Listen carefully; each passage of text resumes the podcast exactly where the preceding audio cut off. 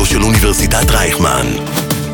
כל האוניברסיטה אודיוורסיטי. תן לסיים משפט.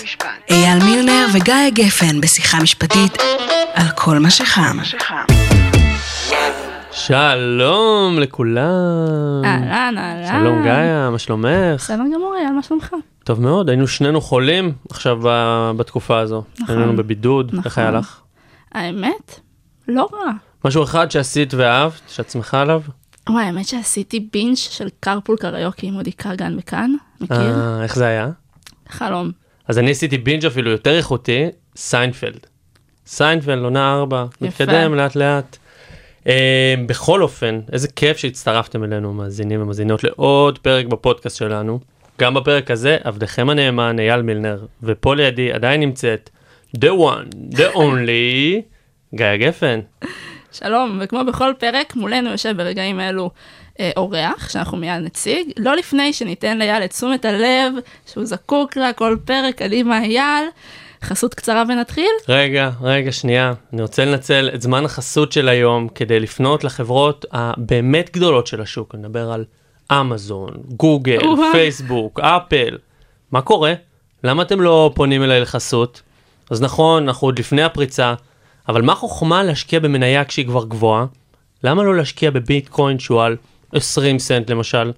תתאפסו, תרימו טלפון, נסגור חסות שכל הצדדים יהיו מבסוטים. be wise today so you don't cry tomorrow. כמו שנהוג אצלנו להגיד, בוא תראה מה פספסת, בוא תראה, בוא תראה. יאללה, עכשיו אפשר להתחיל את הפרק. אפשר להתחיל, אתה אומר. יאללה, אז אחרי שסיימנו עם הסאגה הזאת, בואו לא נבזבז זמן מיותר ונעבור ישר להצגת נושא הפרק. היום אנחנו נדבר על סוגיה אקטואלית שבאמת, גם אם ניסיתם לברוח ממנה בשבועות האחרונים, אין שום מצב שהצלחתם, והיא הסדרי טיעון עם נבחרי ציבור. ולמה הסוגיה הזאת הפכה להיות כל כך אקטואלית, אתם בטח שואלים? אז זה בגלל המגעים שהחלו להיעשות ככה באמצע חודש אה, ינואר השנה בין היועמ"ש ליושב ראש האופוזיציה בנימין נתניהו ב- ב- לגבי אה, הסדר טיעון בעניינו. היועץ המשפטי לממשלה מנדלבליט, שזה אגב נתון מעניין, הגיש במהלך שש שנות הכהונה שלו כעשרה כתבי אישום נגד נבחרי ציבור. לא פחות משבעה מתוכם נסגרו בהסדרי טיעון, שניים מתוך העשרה, אנחנו מדברים על ביטן וביבי, עדיין רצים, אנחנו לא יודעים איך הם נסתיימו. מטורף. אז בשביל להבין בכלל מה זה הסדר טיעון, או עסקת טיעון בשם היותר ידוע שלו, איזה השלכות יש לו, מה היתרונות הגדולים והחסרונות הגדולים לא פחות, ומה זה הקלון הזה שכולם כולם מדברים עליו כל הזמן. הזמנו לפרק אורח שממש מתמחה בסוגיה, דוקטור מתן גוטמן. וואי וואי, איזה כבוד. להיות פה איתכם, בא, הפודקאסט החם ביותר בעיר. הופה. אז אה, דוקטור מתן גוטמן הוא הפרשן המשפטי של אולפן ynet, מתמחה במשפט מנהלי וציבורי, לשעבר ראש מטה משרד מבקר המדינה, הוא גם בוגר, המרכז הבינתחומי, והיום גם ממש מרצה פה אצלנו באוניברסיטת רייכמן. וגם עוסק במשפט, צריך גם להגיד. עוסק במשפט. היי נכון, מתן. נכון. אהלן, מה שלומך? תודה רבה שהזמנתם אותי, כיף להיות פה איתכם. כיף שאתה פה. תודה שבאת. כן. זה כיף. אז בואו ממש נתחיל, אה, ולשם ההתחלה בואו נשים רגע את הפן הפוליטי בצד, ונדבר על הסכמי טיעון. מה ב- הקשר בין משפט לפוליטיקה? או, מה, מה, או. וואו, או. חבר'ה, אנחנו נגיע לזה, אנחנו נגיע לזה. אנשי מקצוע, משפטים, לא מערבים פוליטיקה. לא, אנחנו נדבר רגע על הסכמי טיעון בפן היותר כללי שלו. מה זה עסקת טיעון? אני אקרא לזה אגב עסקת טיעון, לפעמים, כן, אה, לא השם הנכון, לא אבל- השם הנכון. אבל הנפוץ. אבל הנפוץ. נכון. אז באיזה שלב של ההליך היא לרוב מגיעה? מה זה? איפה אנחנו פוגשים את זה? תראו, בגדול, זה מאוד דומה להסדר פשרה בכל משפט אחר. נכון, אנחנו מכירים ששני הצדדים הולכים לבית המשפט, נגיד בסכסוך מסחרי, אוקיי? בסכסוך חוזי. אז יש אפשרות אחת, בואו נגיע עד סוף ההליך והשופט יקבע ויחרוץ את הדין מי הצודק.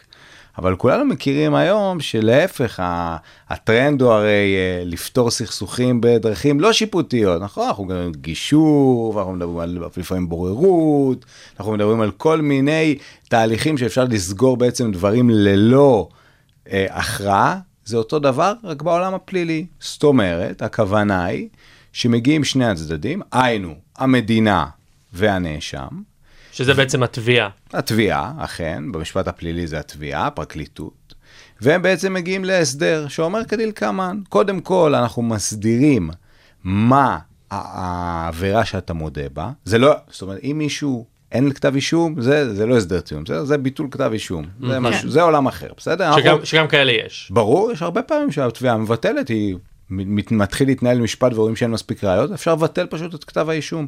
פה אין שום הסדר ואין שום הסכם. אנחנו נמצאים עכשיו בעולם שחייבת להיות הרשעה. אין דבר כזה שלא תהיה הרשעה, או איזשהו עונש, אנחנו לא ניכנס לכל הפרטים, זה יכול להיות גם לדוגמה, אה, אה, הרשעה, כאילו שמרשיעים אותך ואתה בלי, בלי שרושמים לך הרשעה, או עבודות לתועלת כן. הציבור. שטיקים יש כל- וטריקים. יש כל מיני שטיקים וטריקים בחקיקה, אבל אתה בגדול צריך להודות שעשית משהו רע, אם נדבר בשפה הפשוטה, ואז אתה בעצם, הם מחליטים מה אותו רע שעשית, על מה אתה מודה, על איזה סיפור עובדתי אתה מודה. אוקיי, בניגוד לכל מה שאנחנו שמענו בזה, ש... אה, איזה עבירה, אם זה שוחד, מרמה, הפרת אמונים, לא, זה לא הסיפור, הסיפור האמיתי הוא הסיפור שאתה מודה בו. איזשהו נרטיב שעשית משהו שבסופו הוא מביא אותך לכדי הרשעה, אתה צריך להודות במסכת עובדתית מסוימת. אחרי שאתה מודה באותה מסכת עובדתית מסוימת, למעשה מגיע הסיבה שמדוע קוראים לזה הסדר טיעון, למה? כי אז הצדדים, התביעה והנאשם, הם בעצם ביחד מגיעים להסכמה מהו העונש, או מה טווח העונשים, זה יכול להיות גם טווח, לדוגמה, התביעה תטען אה, מקסימום שש שנים, וההגנה תטען לשלוש שנים, אוקיי? וזה כביכול יהיה הטווח שבית המשפט יצטרך לפסוק בו. זאת אומרת, שני הצדדים מסכימים על הטיעון לעונש, מגיעים לבית המשפט וטוענים על העונש. ומגיעים לבית המשפט לא בשביל להמשיך לנהל משפט. נכון, יש פה שני, יש פה בעצם, צריך להבין שיש פה בעצם אה, שני, שתי מערכות, אוקיי? מערכה א', זה שמגיע, אם נגיד מגיעים שני הצדדים ל, ל, לאותו הסדר טיעון, אז למעשה הם חותמים ממש על, על הסכמה, ומתקנים את כתב האישום בהתאם, מה שהוסכם, מגישים אותו לבית המשפט, ואז למעשה, השלב הראשון, בא הנאשם, שואל אותו השופט, יש פה, הרי איך מתחיל משפט, אתם יודעים? מה אתה אה, מקריאים, אתה מסכים, אתה אשם, אתה זכאי, אתה רוצה לנהל משפט, הוא בעצם בא ואומר, מודה אני, אני אשם. פה זה שלב א' נגמר. פה בית משפט אין לו גם שום תפקיד. זאת אומרת, כי בא אדם, אומר עשיתי משהו רע, אני מודה בכתב האישום שהוגש, שהוסכם בין הצדדים, ופה נגמר בעצם שלב א'. עכשיו מתחיל כביכול השלב היותר מסוכן מבחינת הנאשם. כי עכשיו מתחיל בעצם השלב ב', שהוא הטיעון לעונש. פה בית המשפט לא מחויב לקבל את מה שהצדדים אמרו. יכול להיות שהצדדים הסכימו שהעונש יהיה באיזשהו טווח, ובית המשפט בכלל ייתן טווח, ייתן עונש אחר? בהחלט. מה זה אתה אומר? קרה. זה הסיכון שלוקח מי שנכנס להסדר טיעון. זאת אומרת, מגיע, יכול, מגיע האדם, הוא הורשע כבר, אי אפשר לבטל את זה. Mm. הוא הורשע. הוא קיבל, זהו, הוא הורשע. עכשיו, באים לטעון על העונש, ובית המשפט קבע בשורה של מקרים. הוא אומר, בית המשפט לא מחויב למה שהצדדים אמרו, בית המשפט הוא עצמאי. באה התביעה, טוענת ככה, הם יכולים לטעון ביחד לשנת מאסר, יכולים לטעון ביחד לטווח, כמו שאמרנו, בין שנה לשנתיים. בית המשפט הוא הגורם היחיד שמוסמך בסוף להחליט על העונש. המבחן המשפטי שנקבע הוא האם יש פה איזון בלתי סביר בין המעשים, אוקיי? בין מה שהוא היה אמור לקבל לאור המעשים האלה, לבין מה שהוסכם. זאת אומרת שזה מעשים, לדוגמה, זה משהו שבכל הפסיקה הקיימת, על העבירה המסוימת הזאת מקבלים ש- שנתיים מאסר. זה העונש הזה, העונש המקובל. ופתאום הם טוענים לארבעה חודשי עבודות שירות. אבל יש איזושהי, כן צריכה להיות איזושהי הלימה גם בחריגה, שזו לא תהיה- לא תהיה חריגה משמעותית, כי אני זוכרת שבמקרה של אה, ראש הממשלה לשעבר אה, אולמרט, בית המשפט הוסיף לו על ההסדר טיעון עוד, אה, לדעתי זה היה עוד חודש בכלא, עוד 50 אלף שקלים, זה לא המון מעבר למה שנקבע. אז יפה. אז קודם כל, בסוף השאלה היא באמת עד כמה החריגה ועד כמה בית המשפט כביכול חורג. היו מקרים, ובואו קודם כל נגיד רגע את הדין. הדין בא ואומר שרק במקרים חריגים בית המשפט יתערב בעונש שהוסכם. אז הדיפולט כל- שהוא לא מתערב. כל מה שאמרתי עד עכשיו הוא בעצם התיאוריה, שבית המשפט הוא חופשי לקבוע מה שהוא רוצה, אבל בפועל, כי בית המשפט, תכף נדבר על הרציונלים, רוצה לשמר את המוסד הזה של הסדרי הטיעון, שזה מה שנקרא רע הכרחי, ככה זה הוגדר בפסיקה, שזה כמו הרע במיעוטו? משהו כזה, אין ברירה, אי אפשר לחיות, תכף נגיע מהמם. למה, אי אפשר לחיות במשפט הפלילי בלי הסדרי טיעון. כי אנחנו רוצים לשמר את זה, ואנחנו רוצים שאנשים ייכנסו למשא ומתן להסדרי טיעון ולשמור ודאות, רק במקרי מאוד מאוד קיצוניים, בית המשפט יבוא ויגיד, אני לא מקבל. וגם אז, השאלה היא עד כמה אני מקבל. לדוגמה, מצגר, אם אתם זוכרים, הרב הראשי בזמנו, היה רב ראשי מצגר, אחרי שהוא הוא, הוא סיים את תפקידו, עלו נגדו חשדות על שוחד, הפרת אמונים, כל הדברים הרגילים שאנחנו כן. לצערנו מכירים בעולם של אישי ציבור. אה, הם הוגש כתב אישום, הם הגיעו להסדר, להסדר טיעון, על של... והוא הוא הודה בדברים, הוסכם, אני חושב, עד כמה שאני זוכר, על שלוש שנות מאסר, ובבית המשפט המחוזי העלו את זה לארבע או ארבע וחצי, זאת אומרת שזה זה משמעותי. הרבה. והוא כמובן מיד ערער, אה, ובית המשפט העליון השיב את זה לרמה של הסדר הטיעון. הוא אמר, זה נכון שהמעשים שהוא הודה בהם הם מעשים אה, חמורים, זה נכון שניתן היה אולי טיפה לתת לו יותר, אבל, מטעמי הוגנות. כן, אבל אנחנו במצב הזה, אנחנו לא רוצים להתערב במה שהוסדר בין הצדדים, והוא השיב את זה. מצד שני, היה לנו בזמנו שופט אה, נשיא, בית המשפט המחוזי בנצרת. אם אתם זוכרים, בזמנו היה טענות שהוא הטריד מינית, אה, מעשים מגונים בעובדות, היה, הייתה פרשה. אוקיי.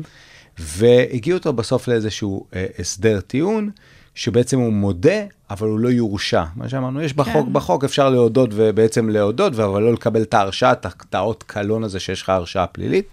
ובית המשפט לא קיבל את זה, הוא אמר, אני, זה לא מקרה שאני יכול לפטור מישהו ללא הרשעה, והרשיעו אותו, וזה לא עזר. יש עבירות שבכלל אי אפשר לדבר על הסדרי טיעון לא, בהקשרן? לא, אין כאלה אפשר לעשות. הסדר טיעון על רצח? כמובן, הרבה פעמים, תראי, ברצח אתה לא זה, כי זה רצח, זה, זה חובה מאסר עולם, אף אחד לא יעשה הסדר טיעון על רצח. הרבה פעמים קורה שמאשימים מישהו ברצח, ולדוגמה, הסדר הטיעון, יורדים רמה אחת מתחת, פעם קראו לזה הריגה, היום רצח מדרגה שנייה, לפי איזה, זאת אומרת, יורדים בדרגה של העבירה. לא יהיה הסדר טיעון על רצח, כי רצח אין מה לעשות הסדר טיעון, זה המקסימום של המקסימום של המקסימום, זה עונש במאסר עולם חובה. כן. אז כן, אין, אין כזה הגבלה בחוק. למה הסדר, אה, כאילו, על איזה סוג העבירות שעליהם לא נעשה הסדרי טיעון. הבנתי. Uh, עכשיו דיברנו על הפופולריות של עסקאות טיעון, זה משהו שאנחנו שומעים אותו הרבה בתקשורת, בעיקר uh, בהקשר לנבחרי ציבור, אבל בכללי, גם אם אנחנו מדברים על האוכלוסייה uh, האזרחית, מעל ל-80% מכתבי האישום מסתיימים בעסקת טיעון, שזה נתון מטורף שלא הייתי מודע אליו בכלל, ולכן נראה לי שחשוב שנתעכב על זה רגע, למה זה כזה פופולרי, למה עסקת טיעון מייצרת לי אישית תחושה ששני הצדדים מפסידים פה. מה, למה היא נפוצה? מה, מה. כל צד מרוויח? ברמה התיאורטית, זה לא הגיוני, עסקת טיעון במשפט הפלילי. נכון שאמרתי לכם, אנחנו בעולם של פשרות ולפתור סכסוכים בדרכים אלטרנטיביות, אבל רגע, אתה אומר, בוא, בוא, בוא, שנייה, חברים. בסדר, במשפט אזרחי, שני צדדים רבים, זכאים להתפשר. כשהמדינה מחליטה להאשים מישהו, אנחנו מצפים שבעצם ימוצה הדין, או שיקבעו שהוא אשם, או שיקבעו שהוא זכאי, או שחור, או לבן, זה לא משחק. זה אומרת, גם האמת תצא לאור. נכון, ומה גם שאנחנו יודעים שבמשפט פלילי זה מעבר לכל ספק סביר. זאת אומרת, אם אנחנו במשפט אזרחי, שהרבה יותר קל להתפשר, למה? כי אני יכול לזכות רק בזה שהוכחתי במאזן הסתברויות. 50 אחוז, נגיד לדמות, נכון, אנחנו אומרים, 50 אחוז פלוס אחד, אני זוכה. ואז אתה בצד השני, אתה אומר, שמע, אני לא רוצה להיות שם, אני לא רוצה שיהיה איזה משהו קטן שאתה תצליח ל- לקחת ממני עשרה מיליון שקלים, עדיף להתפשר. במשפט הפלילי כעיקרון, התביעה צריכה להוכיח מעבר לכל ספק סביר. זאת אומרת, רק שזה וד... כמעט ודאות שהבן אדם עשה את זה, אז למה לא לעשות את זה? הולכים עד הסוף. זה נשמע בעצם, הדין הפלילי לא אמור לסבול את עולם הסדרי הטיעון. אבל, כמו אבל הוא ש- סובל, כמו שאנחנו רואים. כמו שאנחנו יודעים, פעם, אה, תמיד אה, הנשיא ברק, שגם הייתי פה, היה לי זכות להיות העוזר שלו, אז הוא היה אומר, אה, יש בתיאוריה, אין הבדל בין פרקטיקה לתיאוריה, אבל בפרקטיקה יש הבדל תיאוריה. אז, אז יש הבדל בין הפרקטיקה לתיאוריה, והפרקטיקה היא ככה, מצד אחד, משאבי מערכת המשפט הם מוגבלים. היכולת לנהל משפטים עד הסוף, את כל המשפטים הזה, הוא פשוט לא קיים. זאת אומרת, המשאבים, הזמן לנהל את ההליך, ה- לנהל את ההליך ה- הפלילי, זה פשוט גוזל זמן אדיר, בטח בתיקים מורכבים, בטח בתיקים שיכולים לקחת שנים. אבל זה לא שבהסדרי טיעון המערכת ממש לא סובלת, כי אנחנו רואים, רואים לפי, אפילו בעניין של בנימין נתניהו, למה הפרקליטות כל כך כועסת על מנדלבליט עכשיו? בגלל שהם כבר המון זמן כן עובדים על התיק. נכון. אז קודם כל, ברור שעובדים המון זמן על תיק, אבל אנחנו מבינים שעדיין צריך להתנהל לדוגמה משפט עוד שנים ארוכות. אבל רגע, זה, זה, זה לא רק זה. זאת אומרת, בעולם הרגיל, לא רק של נבחרי ציבור, ואוקיי, אגב, תכף נגיע גם באופן עקרוני, שיקול מאוד משמעותי למדינה, למה בכלל, למה יש לנו את זה? זה יעילות, לחסוך זמן, לפנות את המשאבים השיפוטיים לתיקים החשובים והגדולים באמת, שבהם יש באמת שאלה. איפה בעצם שאתה אומר, אין שאלה. זאת אומרת, אנחנו יודעים שכנראה עשית משהו רע, אנחנו לא צריכים לנהל עכשיו את המשפט עד הסוף וזה, עשית משהו, בוא תנהל סיכונים, תיקח איזושהי הקלה מסוימת, ניהול של סיכונים, אוקיי? סיכויים וסיכונים, ואנחנו למעשה בדרך הזאתי, אנחנו מפנים זמן למערכת המשפט, והצד השני קונה ודאות, הנאשם קונה ודאות, קונה זמן של עינוי דין. בסופו של יום זה נכון שיש משפטים שלפעמים אנחנו רואים אנשים שמושכים אותם, רוצים למשוך, שב... זה, זה לא אמור לקרות, נכון? אדם שעומד לדין, יש נגיד בארצות הברית, הם יש את הזכות החוקתית for speedy trial. למה? למה זה זכות חוקתית? כי אתה רוצה אדם שהוא נמצא תחת כתב אישום, הוא בעינוי, הוא לא יודע מה גורלו, הוא רוצה לסיים מהר. מזה הביטוי עינוי דין. עינוי דין. אז אדם רוצה בעצם לסיים, כמו, האמת היא אגב, אפשר היה לראות את זה אפילו מהיהדות דרך שהוא יצא מבית המשפט, מה הוא אומר, הדבר הכי זה התרת ספקות. אין, אין שמחה כמו התרת ספקות, אתה, אתה נמצא בספק. אני אהיה אשם, אני אהיה זכאי, מה יקרה, איזה עונש אני אקבל.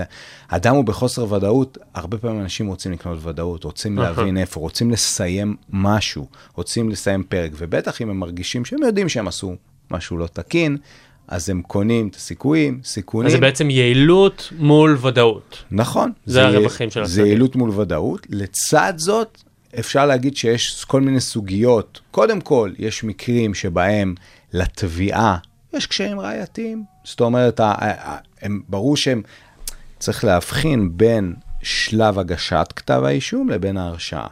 הגשת כתב אישום, המבחן המשפטי, סיכוי סביר להרשעה. מן הסתם, הראיות עוד לא עברו את המבחן השיפוטי. אנחנו נמצאים רק בחקירת משטרה. מה, מה, מה יש לך בפועל? יש לך ראיות שאספה המשטרה. יש לך את העדויות, יש לך את העדים. זה מה שיש לתובע אל מול עיניו.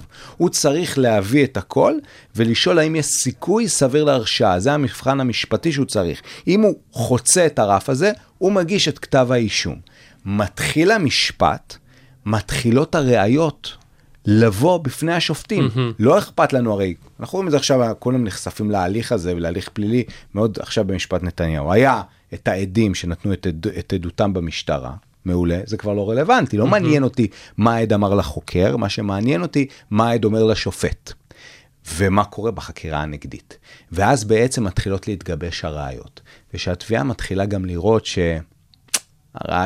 אה, קצת חלשות. מתחילות להיות חלשות, לכרסם להם בראיות. מה שהם חשבו שהיא ראיה ששווה 100 קילו, היא שווה 30 קילו עכשיו. מתחיל להיות להם קושי ראייתי, אזי זה גם עוד שיקול מבחינתם. עכשיו, התביעה חייבת להיות הוגנת, כמו שאמרתי. אם היא חושבת שאין כלום, כשאנחנו כבר לא בסיכוי סביר רשאי, היא צריכה לבטל את כתב האישום. אין ספק, אבל היא לא חושבת, היא חושבת שיש סיכוי מסוים, יש זה לא בשר. זה. יש פה בשר, אבל זה לא מה שחשבנו, יש קשיים ראייתיים, הנה עוד שיקול. הבנתי. זאת אומרת, זה מגוון של שיקולים של שני הצדדים, בעצם להג... יש מצד אחד האינטרס הציבורי ממוצע, כי יש הרשעה, אי אפשר לסיים את זה בלי, בלי שאדם בא ומודה, עשיתי משהו רע. אז השגנו איזה הישג, השגנו הישג, שני, אבל שילמנו. מחיר. טוב, אז נראה לי שאנחנו כבר מספיק אה, התחממנו, אפשר להכניס עכשיו לשיח את העניין הפוליטי. או, או, או, אז ככה, כשאתה מסתכל על ההליך הפלילי של אזרח אה, רגיל, שכולל בתוכו, כמו שראינו, ברוב המוחלט, אה, מקרים של עסקאות טיעון, אה, הוא כן שונה במהות, בעיניי, אה, מהליך אה, עם אדם שהוא אה, דמות ציבורית, שהוא נבחר ציבור. אז אני שואלת אותך, האם באמת יש הבדל? האם המערכת המשפטית באמת עושה איזושהי הבחנה בין השניים? תראו, תיאוריה ופרקטיקה. מהמם. כעיקרון, אסור שיהיה שום הבדל בין נבחר ציבור, לבין כל אדם אחר במשפט הפלילי, בכלל במשפט, אנחנו מאמינים כולנו בשוויון בפני החוק, כולנו מכירים את uh, האמירות הידועות מבחן בוזגלו, נכון? שכביכול טבע אותו אהרן ברק, לא בטוח שזה, אבל זאת אומרת שהמשפט הפלילי חייב להיות שווה לכולם, חלילה שיהיה דין אחר לנבחר ציבור. להפך, יש פסיקות של בית המשפט העליון שאומרות שכאשר בוחנים אם להעמיד לדין איש ציבור או כל אחד אחר, זה בדיוק אותו מבחן. לא עושים שום הנחת סלב ולא מקילים עם שום איש ציבור. זה התיאוריה. משפט פלילי הוא משפט פלילי. מגישים כתב אישום, הולכים לבית המשפט, מנהלים תיק הוכחות, אין אין לנו פנקס אחד פלילי לאיש הציבור, לנישא מהעם ואחד לעם. אבל יש משקל שונה לאינטרס הציבורי במקרה הזה. עד כאן תיאוריה. עכשיו זה התיאוריה. עכשיו, אז בעיקרון ההליכים צריכים להיות זהים.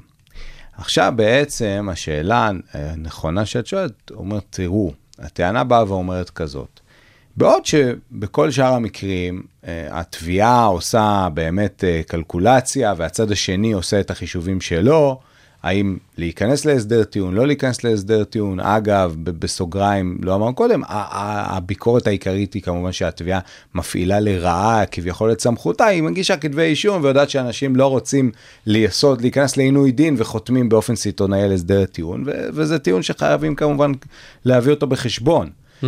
אבל בנושא של נבחרי ציבור, בעצם הטיעון אומר שמעבר לשני הצדדים יש עוד מישהו בתמונה, כביכול, הציבור, כי זה איש ציבור, אנחנו, אנחנו רוצים, יש אינטרס שנדע מה האמת.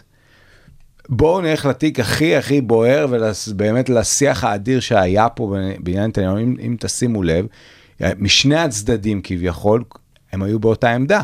הצד של אה, הרבה מצד מה שנקרא מחנה רק לא ביבי, אמר אנחנו בשום אופן אין הסדר טיעון, עד הסוף. עד הסוף, אנחנו רוצים לדעת מה זה צריך להיות. ומצד שני, אותו דבר, הקהל תומכי נתניהו אפילו עשה מימון המונים, אל תלך להסדר טיעון, עד הסוף. אנחנו רוצים לדעת מה היה פה, אנחנו רוצים לדעת אשם או זכאי. זה, אל תשאירו אותנו בשטח האפור הזה. אנחנו רוצים שחור או לבן, שאגב זה גם מאוד אנושי, אנחנו אנשים אוהבים לדעת את ה... מי ניצח ומי הפסיד. גם כי בין היתר אנחנו לא חווים את העינוי דין הזה שדיברנו. זה ברור שאנחנו לא חווים, ואיזו שאלה, ו- וכל המשאבים שזה לוקח לכולם.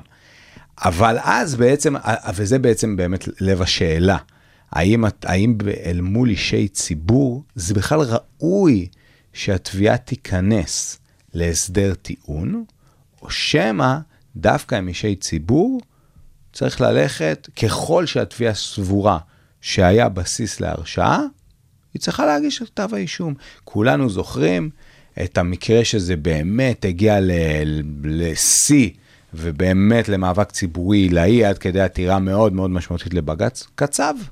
כן. מי שהרבה לא זוכרים. שם הייתה דרמה שלמה עם ה... אז בוא נזכיר, וגם, נכון, וזה גם מאוד משמעותי, כי זה היה לפני שהוגש כתב האישום, אז לכן, זה, בוא נסביר רגע את הזה. מה שהיה בקצב, באמת התנהלה, התנהלה החקירה, ובאמת, מה שנקרא, לפני שהוגש כתב האישום יש הליך, אגב, זה גם אין לכל אחד, אם אנחנו רוצים זה, מה שנקרא שימוע. Mm-hmm. בדרך כלל זה לא לכולנו יש שימוע, נכון. שזה אישי ציבור, אבל לא ניכנס לעולם הזה. היה בעצם תהליך של שימוע, אמרו, הגענו, אנחנו חושבים שקצב עבר עבירות חמורות, בין היתר אולי אפילו עד כדי אונס, אנחנו שוקלים להגיש כתב אישום, התנהל הליך שימוע, ובמסגרת אותו תהליך הגיעו הצדדים להסדר טיעון. לפני שהוגש כתב אישום, לפני שכולנו ראינו במה מאשימים, ושם למעשה נתנו לו הסדר טיעון, אם אתם זוכרים, אם רואים בתוצאה הסופית, זה כלום מדהים. כלום. מגוחך. מאסר על תנאי. מאסר על תנאי, בכלל המילה אונס לא הייתה. לא, איזה אונס, כלום, מעשה מגונה בקושי. מאסר כן. על תנאי, מאסר על תנאי, אפילו לא בעבודות שירות. ו... ואז משה קצב עשה את טעות חייו. זה, אז רגע, לפני זה אנחנו בהסדרי טיעון, זה, הנה, זה, הסיפור של קצב הוא קלאסי כדי להסביר את העולם של הסדרי הטיעון. אז מה שקרה, נזעקו.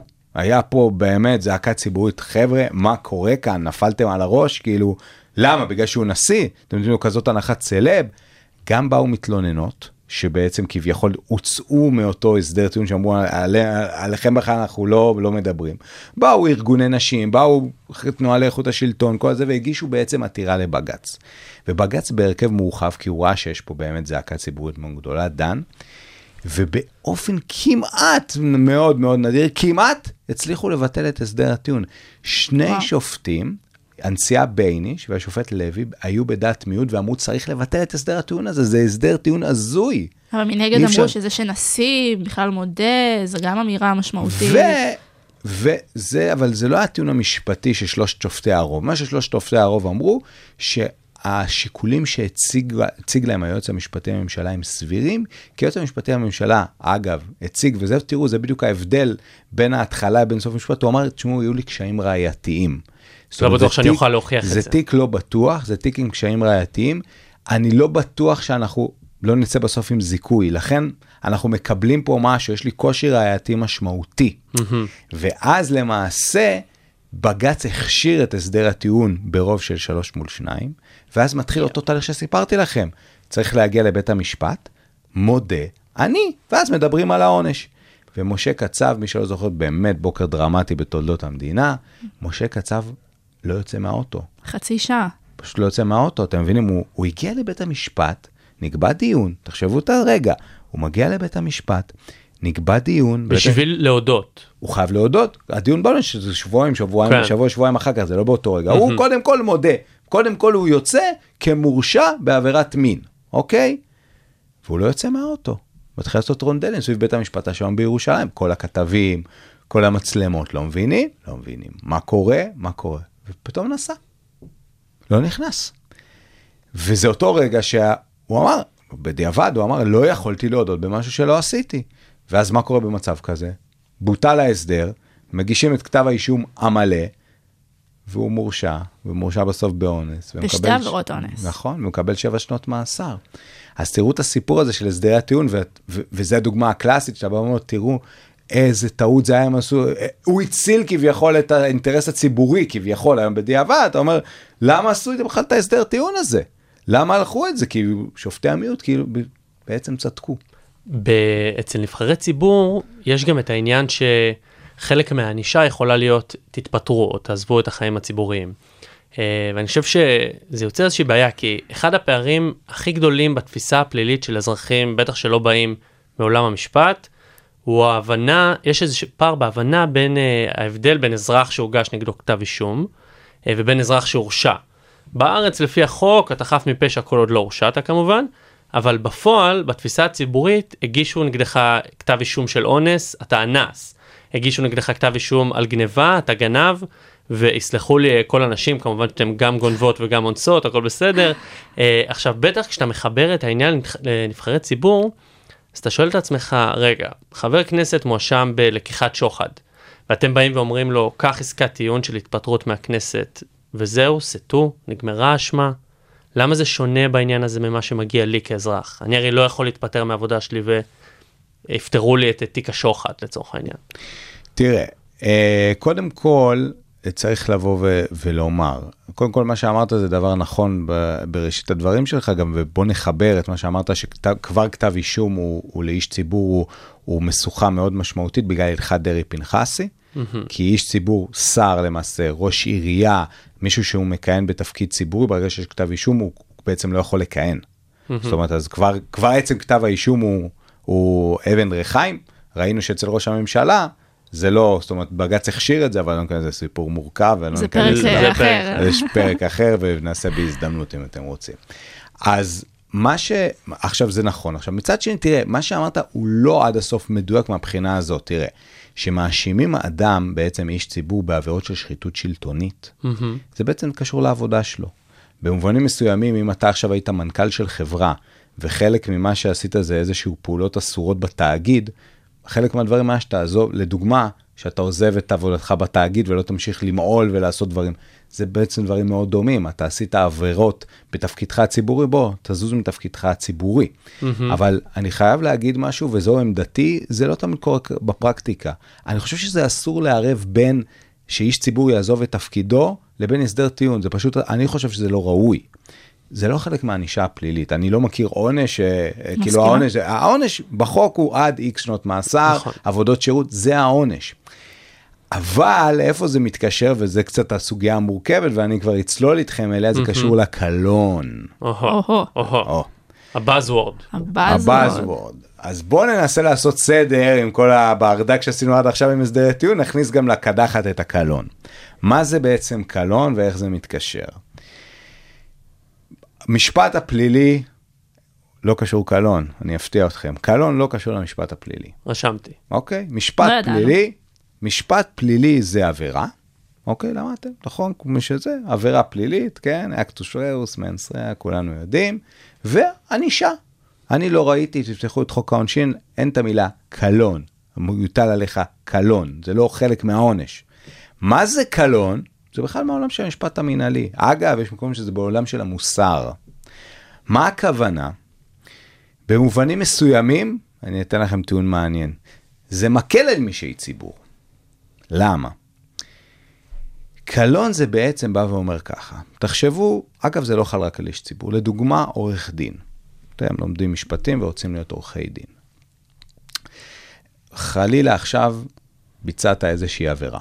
חלילה. אוקיי, אתה מורשע בפלילים, לא יודע, איזושהי עבירה. תקפת, נתת לי אגרוף, עכשיו התעצבנת עליי שלא עשיתי טוב. את הפוקר. לא, היה- אורח שלנו. לא, זה אה, תיאורטי. לא. תיאורטי. תיאורטי. נגיד, הורדת לי אגרוף, התלוננתי במשטרה, הורשעת בפלילים, והכל טוב ויפה, אתה סטודנט, לא, אף אחד לא מדבר, כאלה, אתה אוקיי. איפה זה פתאום יגיע? אתה תרצה להתקבל ללשכת עורכי הדין, נכון? ישאלו אותך, האם הורשעת בעבירה פלילית? תגיד, "אה, כן, הורשעתי בעבירה פלילית, אה, לפני איזה שנה וחצי, איזה אחד אה, בפודקאסט מעצבן, איזה נתן גודמן, הורדתי לו אגרוף. אוקיי. אז מגיעים לשלב הבא. לא כל עבירה פלילית אמורה לגרום לזה שאתה לא תהיה עורך דין. זה לא הגיוני, זה לא מידתי גם. איזה עבירה פלילית תגרום שאתה לא תהיה עורך דין? איזה? שיש עימה קלון. אוהו. זאת אומרת, אתם מבינים מה זה בעצם אומר? קלון זה איזשהו משהו שנלווה להרשעה פלילית, אוקיי? איזשהו אות קין, שאומר, זה עבירה פלילית מגעילה, חמורה, לא מוסרית, דבק בך אות קלון במעשים שעשית, ולכן אתה לא כשיר לתפקיד ציבורי, אתה לא כשיר להיות שר, אבל אתה למה לא לא כשיר לתת להיות חבר. לציבור להחליט? בסוף, תפקיד ציבורי, נבחר ציבור, אמור להיבחר על ידי הציבור. אם הציבור יודע מה ביצעת, למה שהמדינה תתערב ותגיד, "אה, זהו, יש עליך קלון, אנחנו לא מוכנים שתכהן באי אלו תפקידים. אוקיי, אז קודם כל צריך להבין, הרבה פעמים זה לא תפקידים שהציבור בוחר, צריך שכולנו רגע נבין.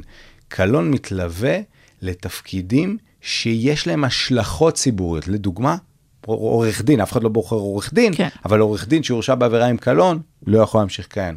רואה חשבון, אתם יודעים מה? אפילו חבר עמותה. עמותות, יש המון, מי שזה בעל תפקיד בתאגידים. זאת אומרת, מישהו שיש לו איזשהו אה, אה, תפקיד ציבורי עם השלכות ציבוריות, עצם זה שנלווה קלון למעשיך הפלילי, להרשעה הפלילית שלך, אזי אתה למעשה לא כשיר לכהן באותו תפקיד. זה כמובן הולך לנבחרי ציבור, לראשי ערים, לחברי כנסת וכו' וכו' וכו'. ואז בעצם את שואלת, בסדר, אבל יש את ה... אבל זה. ראש ממשלה, סתם דוגמה שעלתה לי ככה לראש, ראש ממשלה, הרי כל העניין עכשיו לכאורה, אה, לכאורה. במגעים, לכאורה, לכאורה במגעים בין אה, מנדלבליט לבנימין נתניהו. הקלון זה, על זה יקום ויפול הסדר הטיעון, אם אני מבינה נכון מהדברים כן, וזה. היה טעות, תכף אני אסביר, ואני אני לא מבין איך זה הגיע לשם, כי קלון לא יכול להיות חלק מהסדר הטיעון, ואני אסביר. או.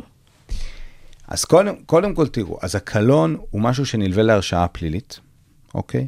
הוא נלווה להרשעה פלילית והוא יוכרע רק כשתהיה סוגיה אקטואלית רלוונטית. ואני אסביר, ניקח את המקרה של דרעי כדי להסביר את זה. דרעי בא עכשיו, עשה הסדר טיעון, הודה בעבירות מס. קבעו שהוא ישלם קנס של 180 אלף ש"ח, יקבל אה, אה, מאסר על תנאי, אוקיי? כעיקרון, בגלל שהוא איש ציבור, חבר כנסת, מיד אחרי שהוא מורשע, בית המשפט צריך להגיד, יש קלון או אין קלון. למה? כי הוא חבר כנסת.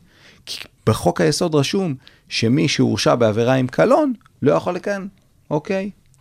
יתרה מכך, הוא גם מקבל שכר, גם אם הוא מתפטר, נגיד הוא מתפטר מהכנסת, הוא ממשיך לקבל שכר, כתוב אתה יכול לקבל, להמשיך, להמשיך לקבל תנאים של כל מיני תנאי שכר אחרי פרישה, אלא אם הורשעת בעבירה עם קלון, אז אתה מפסיק לקבל. זאת אומרת, זה תמיד יהיה קשור לסוגיה אקטואלית. once אין סוגיה אקטואלית על השולחן, לא דנים בזה בכלל. לא דנים. ככה בעצם דרעי פתר את הסוגיה. מה, מה דרעי אמר? הם התווכחו, קלון, לא קלון. הם, לפי, ה, לפי מה שסופר, גם שמעתי את עורך הדינות נבות אלצון, הוא אומר, תשמעו, מצאנו פתרון. דרעי פורש מהכנסת, מוותר על כל תנאי שכרו כח"כ לשעבר, לא סוגיה אקטואלית. נגמר, לא מכריעים בקלון סתם, אומרים זה. לא סוגיה אקטואלית, נגמר הסיפור, אין דיון. עכשיו אף אחד לא מדבר אם זה עם קלון או בלי קלון. מעולה? וככה בעצם הסוגיה נפתרה ויצאה מהסוגיה. איפה זה יחזור? ככל שדר... אתם יודעים איפה זה? נגיד דרעי עכשיו רוצה להיות חבר עמותה. עמותה, לא קשור. הוא ירצה להיות חבר עמותה, הוא עכשיו העמותה תצטרך לקבוע האם יש בה עבירה שהוא הורשע בקלון, בכלל לא בית משפט. זאת אומרת, זה לא תמיד גם בית אז איך המשפט. זה קיבל כל כך הרבה משמעות עכשיו בעניין אה, בנימין נתניהו? אז אני אסביר. אז קודם כל, אוקיי, את הבנת? זה חייב להיות סוגיה אקטואלית, בסדר? זה חייב להיות סוגיה אקטואלית, ואם אתה מנקה את הסוגיה, אז נגמר הסיפור. זה יחזור אצל דרעי איפה באמת אם הוא ירצה, אם הוא ירצה להתמודד לכנסת. שוב. שוב, יש בחוק יסוד הכנסת הסדר שאומר שכל מי שהורשע וקיבל מעל שלושה חודשים מאסר בפועל לא על תנאי, אוקיי? בשבע השנים מאז שהוא קיבל, חזקה, כלומר זה חזקה שזה עם קלון, אלא אם יו"ר ועדת הבחירות לכנסת, לא בית המשפט בכלל שדן בתיק. שזה שופט בית משפט עליון. עליון, יקבע שזה עם קלון. אוקיי? היה לנו מקרה כזה, דוגמה עם פייגלין, שבזמנו בשנות ה-90 הוא חסם כבישים, אחר כך רצה להתמודד לכנסת, אמרו שזה עם קלון. ואז בהתחלה, אבל אף אחד לא דן בזה עם קלון או לא, כי הוא לא היה איש ציבור. ככה זה ישוב לחיינו עם דני, ד- ככה זה ישוב לחייו של דרעי. עכשיו, השאלה האמיתית היא, ומה שזרקתי לכם קודם, והדיון הציבורי פה, שאני לא מבין איך הוא הלך לכיוון הזה, האם ההסדר, הטיעון של נתניהו יהיה עם קלון או בלי קלון? ואני רגע אומר משהו פרובוקטיבי, אבל לטעמי הוא, הוא הדין הנכון. הסדר טיעון לא יכול להיות חלק, אה, קלון לא יכול להיות חלק מהסדר הטיעון. תשאלו אותי למה? למה? בגלל שקלון זה לא חלק מהענישה הפלילית, הרגע הסברתי לכם. מה הקשר? הסדר טיעון הוא לעונש הפלילי. אבל אנחנו יודעים שהעולם לא עובד ככה, אנחנו יודעים ששיחות מאחורי הקלעים ייראו או, קצת אחרת. עכשיו תראו. יש גישה שאומרת, וזה בעצם מה שקרה עם נתניהו, עד כמה שאני מבין, כי לא כל הדברים נחשפו, שאני חושב שהיא טעות. הם ביקשו שנתניהו, שיטענו לקלון או לא, יגיד אני מסכים שיש קלון. אוקיי? יכריח אותו להיקשר עם קלון, להגיד, אני הוא גם אומר בעבירות האלה יש קלון. ואני חושב שזו טעות. זה לא יכול להיות חלק מהסדר הטיעון, זה לא אמור להיות חלק מהסדר הטיעון, ובסוגיה הזאת שבית המשפט יחליט. התביעה תגיד, אני אטען, ברור שיש פה קלון. נתניהו רוצה להגיד שאין קלון? יגיד שאין. נתניהו ירצה כמו דרעי לייתר את הדיון בקלון, בקלות. הוא יגיד פשוט אני מתפטר, ואני לא רוצה תנאי, את תנאי הפרישה שלי. לא ידונו ממשלה." על זה בכלל. לא ידון על זה בכלל. תרצה לחזור לחיים הפוליטיים? ידונו על זה. למה בכלל זה אבן נגף? למה זה אמור להיות אבן נגף? אני חושב שזה טעות. זה לא אמור להיות אבן נגף. אז אני רוצה רגע לדבר על הבן אדם שהרבה פעמים מחליט בנוגע לעסקאות טיעון של נבחרי ציבור, היועץ המשפטי לממשלה, ואפשר לעשות עליו פרק שלם, גיא, אנחנו... אולי באמת נעשה עליו אנחנו פרק שלם. נדבר על זה. אה, אבל בהקשר הזה יש פה באמת דמות שאמורה לחבר בין הפן הפלילי לפן הציבורי-פוליטי, להיות אחראי על כתבי אישום של נבחרי ציבור, אבל גם להתמנות לפעמים על ידי אותם נבחרי ציבור ממש, זה ממש אה, סוגיה שקורית עכשיו. אה, ואני חושב שהקדנציה הזאת של מנדלבליט הייתה דוגמה בעיניי מדהימה לכמה התפקיד הזה קשוח, הביקורות מכל הצדדים. עכשיו אני אזכיר את הנתון שציינתי בהתחלה, ששבעה מתוך שמונה תיקים נגד נבחרי ציבור בקדנציה שלו שנסגרו, נגמרו בעסקאות טיעון. כששניים נוספים עדיין רצים, אנחנו עוד לא יודעים אה, מה יקרה איתם.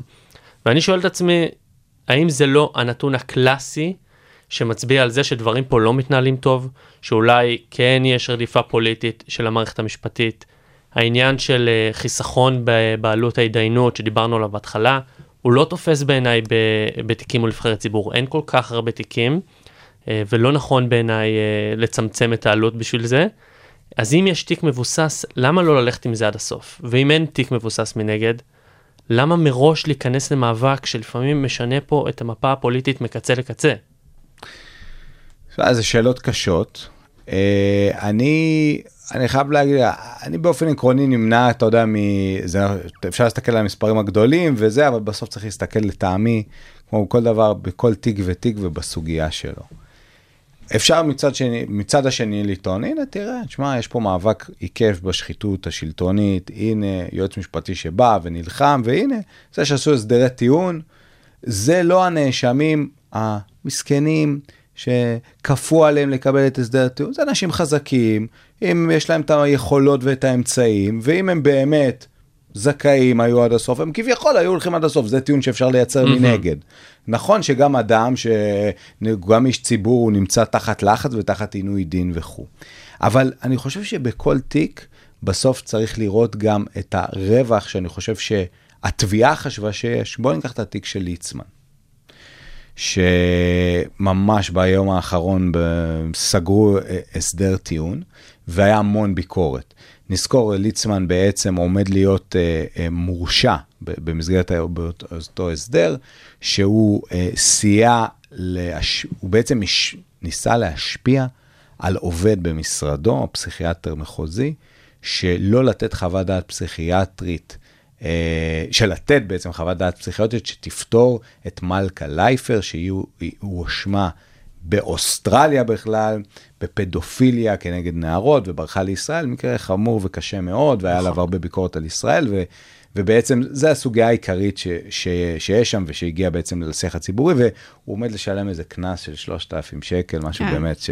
על זה אפשר לוותר, אני גם, זה באמת בדיחה, כאילו, עדיף על אפס, בואו, כאילו. אבל אז אתה אומר, רגע, אבל למה? למה עושים הסדר טיעון?